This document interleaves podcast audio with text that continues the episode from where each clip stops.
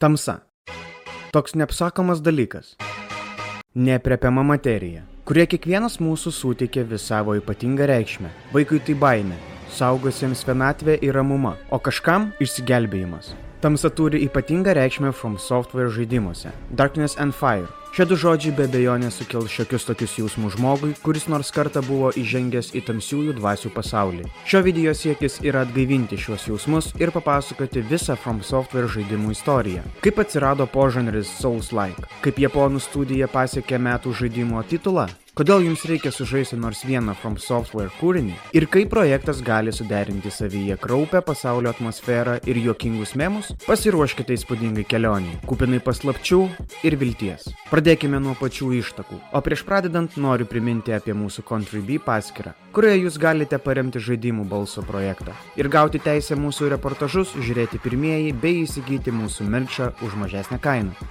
Tolimoje tolimoje galaktikoje 1994 metais buvo išleistas pirmasis studijos From Software žaidimas - Kingsfield. Kaip ir sekantys kompanijos darbai, šis taip pat buvo priskirtas RPG žanrui Dark Fantasy pasaulyje. Jis jau tada pasižymėjo kaip itin sudėtingas ir gabumų reikalaujantis žaidimas. Kingsfield gamyba užsiemė nedidelę, tada dar niekam nežinoma komanda iš From Software. Iš pradžių žaidimas buvo planuojamas išleisti asmeniniams kompiuteriams. Tačiau studijos planai pasikeitė ir apytiksliai per šešis mėnesius buvo sukurtas projektas, kuris pateko į konsolės PlayStation startinių žaidimų sąrašą. Be to, dėl savo ypatybių ir sunkumo Kingsfield aplankė tik Japonijos rinką. Pasakysiu tiesiai šviesiai, publika šį From Software kūrinį sutiko neįtin palankiai. Visus gazdino neįprastos ir sudėtingos mechanikos, apie kurias mes pašnekėsime vėliau. Tačiau reikiamo žurnalistų dėmesys davė vaisių ir galiausiai Kingsfield buvo pripažintas komerciškai sėkmingu projektu. Vėliau projektas atkreipė ir vakarietiškos auditorijos dėmesį. To pasiekoje atsirado fanų sukurtas angliškas Kingsfield lokalizacijos pečas. Tačiau manau jau laikas pereiti prie pačio žaidimo ir pradėsime mes nuo jo istorijos. Visas Kingsfield veiksmas vyksta viduramžių verdito karalystėje, kurią kadaise buvo užpuolusios piktosios jėgos. Tačiau jos buvo nugalėtos herojumi, kuris vėliau tapo legenda ir buvo pramintas drakonu. Jo garbiai buvo pastatyta katedra, kurioje jis ir buvo palaidotas. Tai yra šiokia tokia Kingsfield priešistorė.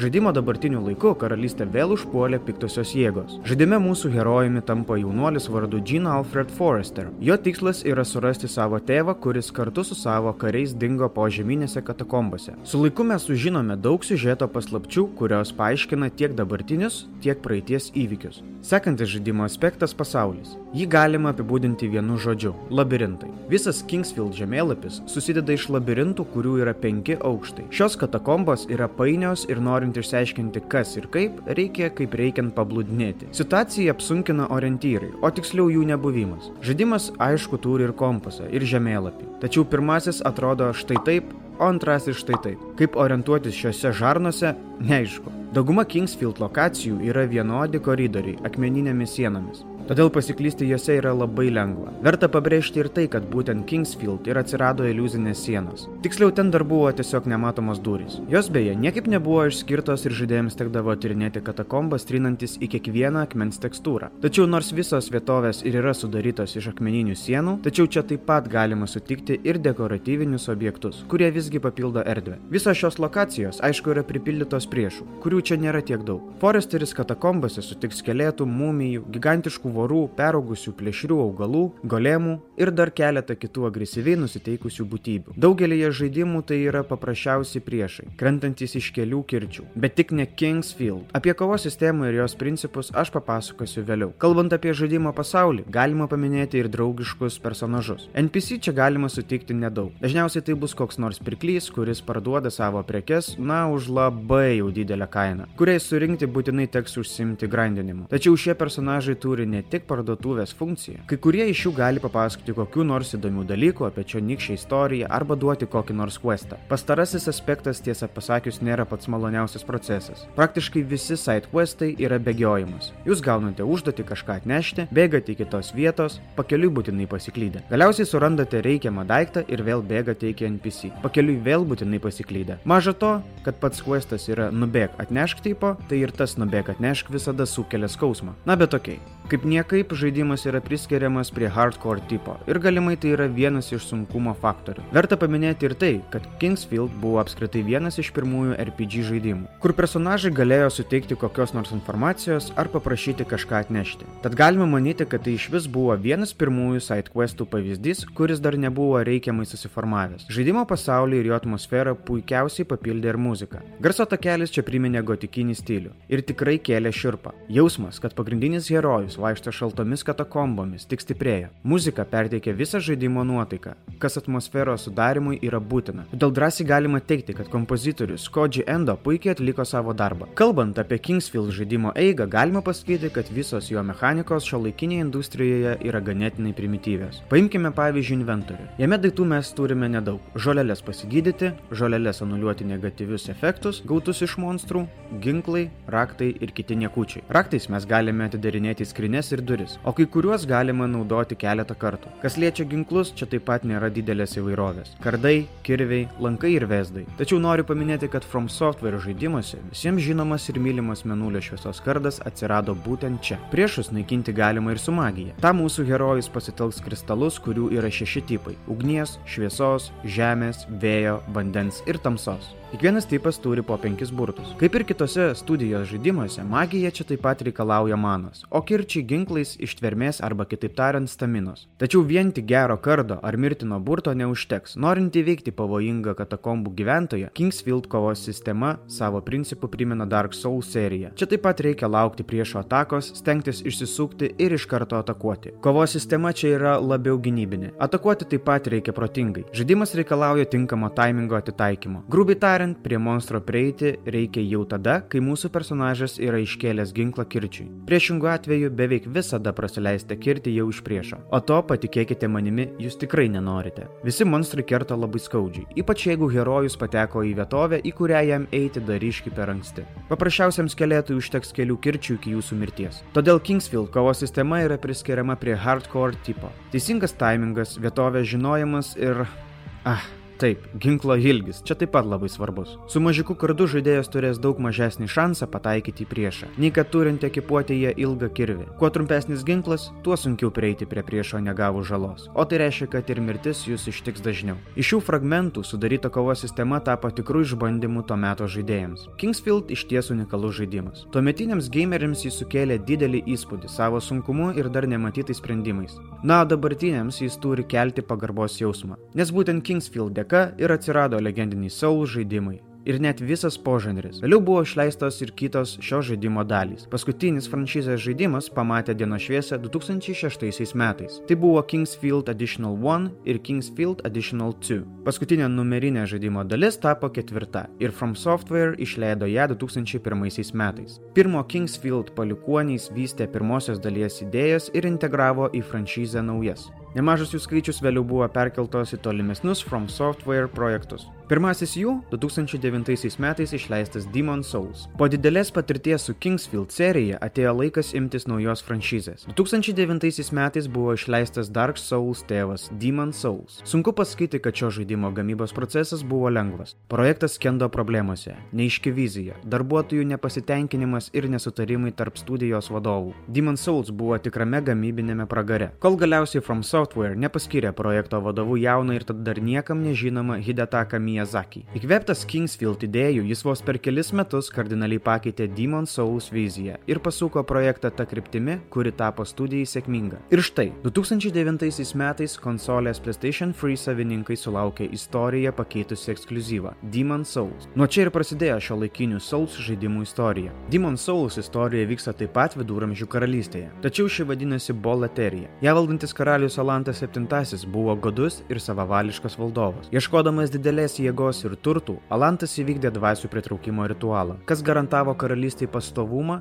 turtus ir žydėjimą. Tačiau laimė truko neilgai. Galiausiai karalystę užplūdo tirštas rūkas, kuris atskyrė Boloteriją nuo viso likusio pasaulio. Metai iš metų kaiminystėje esančios karalystės siuntė savo žvalgybą. Tačiau visi, kas žengė į paslaptingo rūko gilumą, iš jo niekada neišėjo. Kiekvienas bandymas patekti į Boloteriją baigdavosi mirtimi. Tačiau viena vienam visgi pasisekė. Jam pavyko ištrūkti iš mirtino rūko ir papasakoti, kasgi dedasi karalystėje. Naudodamas sielas karalystės vystimui, karalius Alantas iškvietė senąją jėgą, kuri gavo pavadinimą Old One. Tai buvo galingas demonas, kuris tunojo po Nexusu, paslėptoje šventovėje, kuri kartu sujungė visas šiaurinės boloterijos valdas. Iškvietus demoną atsirado ir pagrindinė problema - tirštas baltas rūkas. Būtent jo dėka demonai galėjo patekti į žmonių pasaulį ir ten kelti chaosą. Dauguma karalystės gyventojų buvo nužudyti, likusieji prarado savo sielą ir pamiršo. Mūsų herojus yra bevardis riteris, kuris praėjo rūką ir atsirado boloterijoje. Galiausiai jis miršta, bet atsibunda. Atsibunda kaip tik anksčiau minėtame Nexuse. Ten jis sutinka merginą apsirengusią juodai. Tai yra Nexuso stebėtoja. Ji duoda mūsų herojų užduotį vykti į boloteriją, nugalėti visus demonus, sugerti jų dvasias ir įgavus pakankamai jėgos tikslas - išlaisvinti karalystę nuo seniausiojo demono valdymo.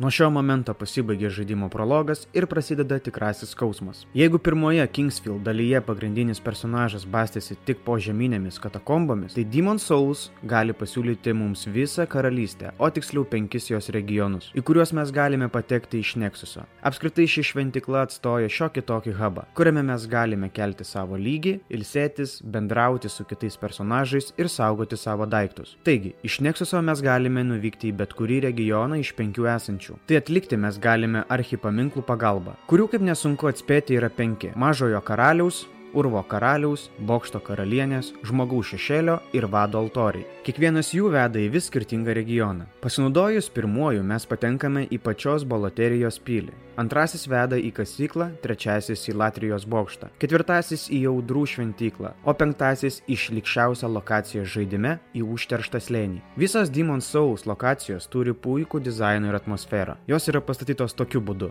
kad norint surasti vertingus daiktus, tektų išnarplioti jas visas nuo pat pradžios iki pat pabaigos. Kiekvienas šių pasaulių turi keturis bosus ir keturis laužus išskyrus pirmąjį pasaulį. Voloterijos pilyje yra penki bosai ir penki laužai. Ir taip, taip, tie garsieji Bonfire iš Dark Souls serijos buvo jau ir šiame From Software žaidime. Tiksliau, jų alternatyva. Apie tai papasakosiu kiek vėliau. Be bosų yra aišku ir kitų priešininkų. Jų čia yra daug ir kiekvienas turi savo judesius ir elgesį. Mirė kariai pilyje, gigantiški vabalai urvuose, skeletai, skraidančios rajos, šūnys ir daug būtybių, kurios tik ir laukia, kol galės nužudyti mūsų bevardį herojų herojų. Mus pavyzdžiui labiausiai nervino besisukantys skeletai, kurie beje po to atsirado ir Dark Souls serijoje. Tarp tokių agresyvių padugnių kartais pasitaiko ir draugiški personažai. Vieni prekiauja įvairiausiais nekučiais, kiti gamina ginklus, o treti pasiruošia jūs apgauti ir nuspirti nuo artimiausio skardžio. Taip, taip. Souls fanams žinomas veikėjas Pečias atsirado būtent čia.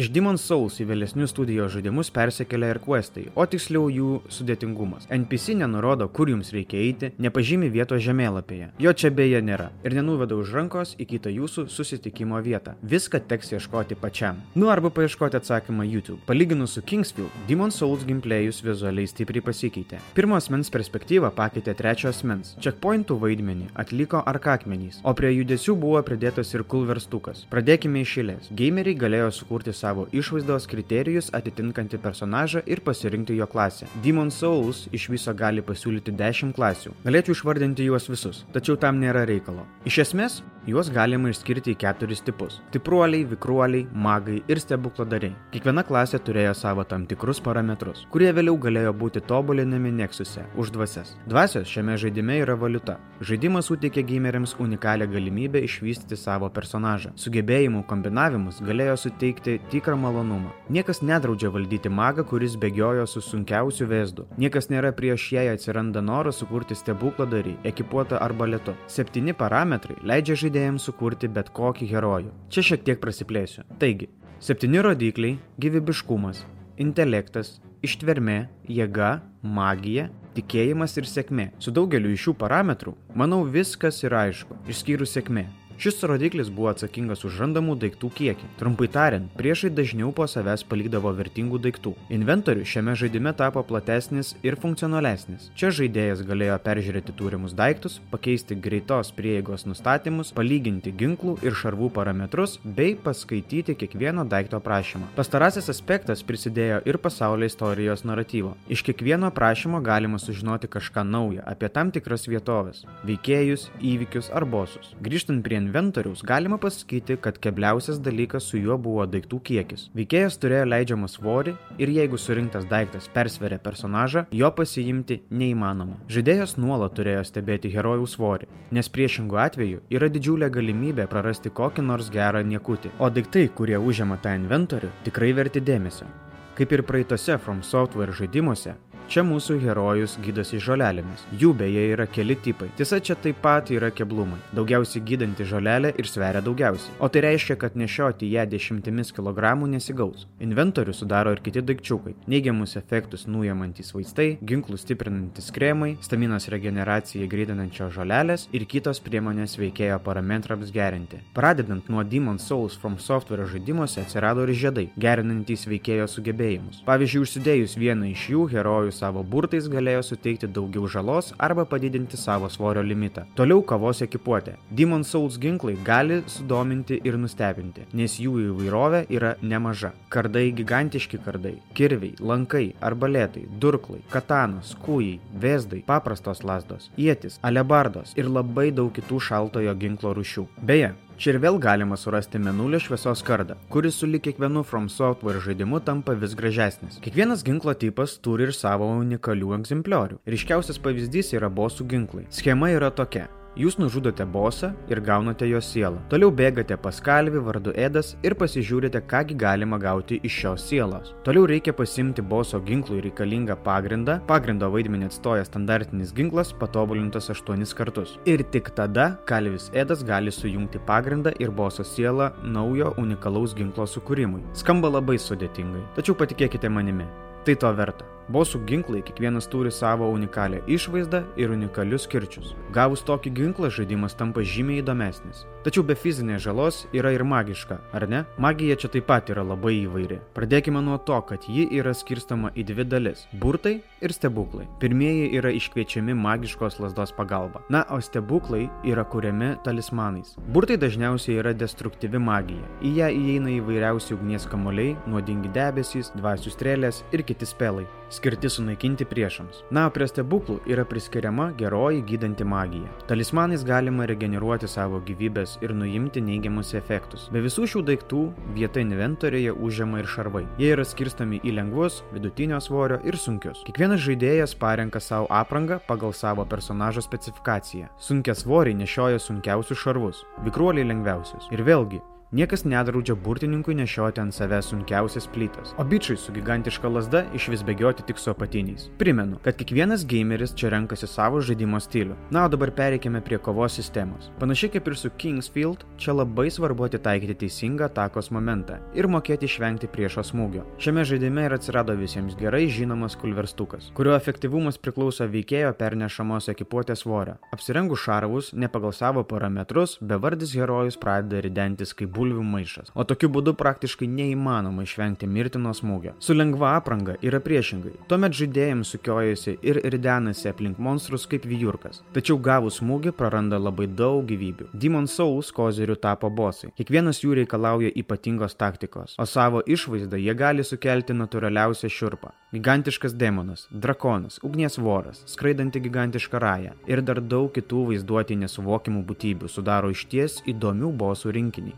Norisi paminėti ir tai, kad skirtingi priešų tipai reikalauja skirtingų ginklų. Kai kuriuos geriau naikinti vesdais, kitus jėtėmis arba rapyromis, o treti yra itin jautrus ugniai. Kiekvienam reikia parinkti tinkamą ginklą ir kiekvienam reikia surasti kovos strategiją, o tas reikalauja mirčių labai daug mirčių. Ta įžymų užrašą Died jūs matysite daug kartų, o tada vėl viskas iš pradžių. Visi lokacijos monstrai atsiranda iš naujo ir vėl tenka kopti ilgą kelią iki boso. Tačiau galiausiai žaidėjas išmoksta tinkamai elgtis su tam tikru priešu ar bosu ir tuomet visa kova pavirsta į baigtą dėlionę, kurioje viskas matosi ir viskas aišku. Kiek kitaip yra su tikrai žaidėjais. Demon Souls buvo pirmasis žaidimas, į kurį From Software integravo PvP elementų. Žaidėjai galėjo kooperuotis arba kovoti tarpusavį tarpusavyje. Šiame žaidime visiškai nėra neįprastas reiškinys, kai herojus perina beveik visą lygį, bet galiausiai į jo pasaulį įsiveržia koks nors apatinis apsirengęs įsibrovelis ir su gigantiška lasda praskelia žaidėjų galvą. Tačiau aš minėjau ne tik agresiją tarp Demon Soul žaidėjų. Visi norintys gali ir padėti vienas kitam perėti tam tikrą vietovę arba nugalėti tam tikrą bosą. Tokie pagalbininkai yra vadinami fantomais. Viskas tai atrodo linksma ir įdomu. Iš esmės taip ir yra. Tačiau yra vienas riebus bet. Šio online techninė būklė buvo tragiška. Laukti fantomo reikėjo labai ilgai, o ryšys galiausiai galėjo nutrūkti. Taip pat nedžiugino ir kovos. Priešų kardai pasiekdavo žaidėjus per kilometrą, o dėl didelio pingo priešininkų teleportavimasis buvo visai įprastas reiškinys. Šios problemos beje taip ir nebuvo ištaisytos po Demon Souls išleidimo. Dark Souls trilogija taip pat kentėjo nuo šių techninių nesklandumų. Taip pat norėtųsi paminėti dar vieną žaidimo mechaniką, kuri buvo visai įdomi, tačiau vėlesniuose From Software žaidimuose jos buvo atsisakyta. Pasaulio tendencija. Trumpai tariant, ji veikia taip. Kuo daugiau miršti, tuo priešų kirčiai atima daugiau gyvybių. Ir tuo labiau išauga šansas gauti vertingų daiktų. Na, o jeigu mirštama yra kaip tik mažai, situacija yra priešinga. Priešai atakuoja ne taip skaudžiai, bet ir gaunamų daiktų vertingumas yra mažesnis. Ši mechanika suteikia žaidėjams intereso perėti Demon Souls kelis kartus. Iš esmės, Demon Souls galima drąsiai pavadinti dabartinių Souls žaidimų idėjų lopšiu. Būtent iš šio projekto į vėlesnius From Software kūrinius buvo perkelta kovos sistema, lokacijų dizainas, veikėjo progresijų sistema, PvP ir koop režimai, bosų unikalumas ir kitos ypatingos idėjos, kurios ateityje suformavo visą požanrį. Bendroje įskaitoje Demon Souls dar netapo visišku hitu. Kritikai ir žurnalistai žaidimą sutiko gana šiltai, tačiau žaidėjai skundėsi itin aukštų sudėtingumo lygiu. Ir iš ties, Demon Souls tuometiniai žaidimų industrijai buvo lyg geras antausis. Jau tada pripratę prie nuolatinių checkpointų, sunkumo pasirinkimo, automatinės gyvybių regeneracijos žaidėjai buvo šokiruoti. Tokiu From Software abejingumu gaming industrijos tendencijų atžvilgių. Sudėtingoji Demon Souls lengvai sukramdydavo ir išspjaudavo nepasiruošusi gameriai. Kai kurie su šiuo faktu susitaikydavo, o kai kurie mesdavo žaidimą rage quittinus po kokios kvailos mirties. O tokių mirčių buvo tikrai daug. Tačiau būtent jos ir tapo From Software vizitinė kortelė. Kompanija lyg sakytų savo žaidėjams, tau bus skauda, bet tau tai patiks. Taip ir atsirado Soul žaidimų konceptas. Tačiau tai buvo tik pradžia. Pradžia didingos ir industriją pakeitusios serijos Dark Souls. Apie ją mes papasakosime sekančioje dalyje. Mes tikimės, kad jums patiko šis video. Į šį darbą buvo įdėta daug pastangų ir tikrai ne viena valanda laiko. Labai tikimės, kad jūs tai įvertinate. Tai įrodyti jūs galite savo laikų, komentarų, prenumerata ir paskambintų varpeliu. Sekančios dalies išleidimas priklauso tik nuo jūsų aktyvumo, o kol kas galite aprašyti savo santykius su Souls like žaidimais. Ar turime čia šių projektų veteranų ir ką apskritai manote apie tokio tipo sunkumus? Mes lauksime jūsų komentarų. Taip pat dar kartelį primenu apie Contribui, kuriame jūs galite paremti mūsų veiklą. Na, o dabar aš su jumis atsisveikinu. Iki kito susitikimo.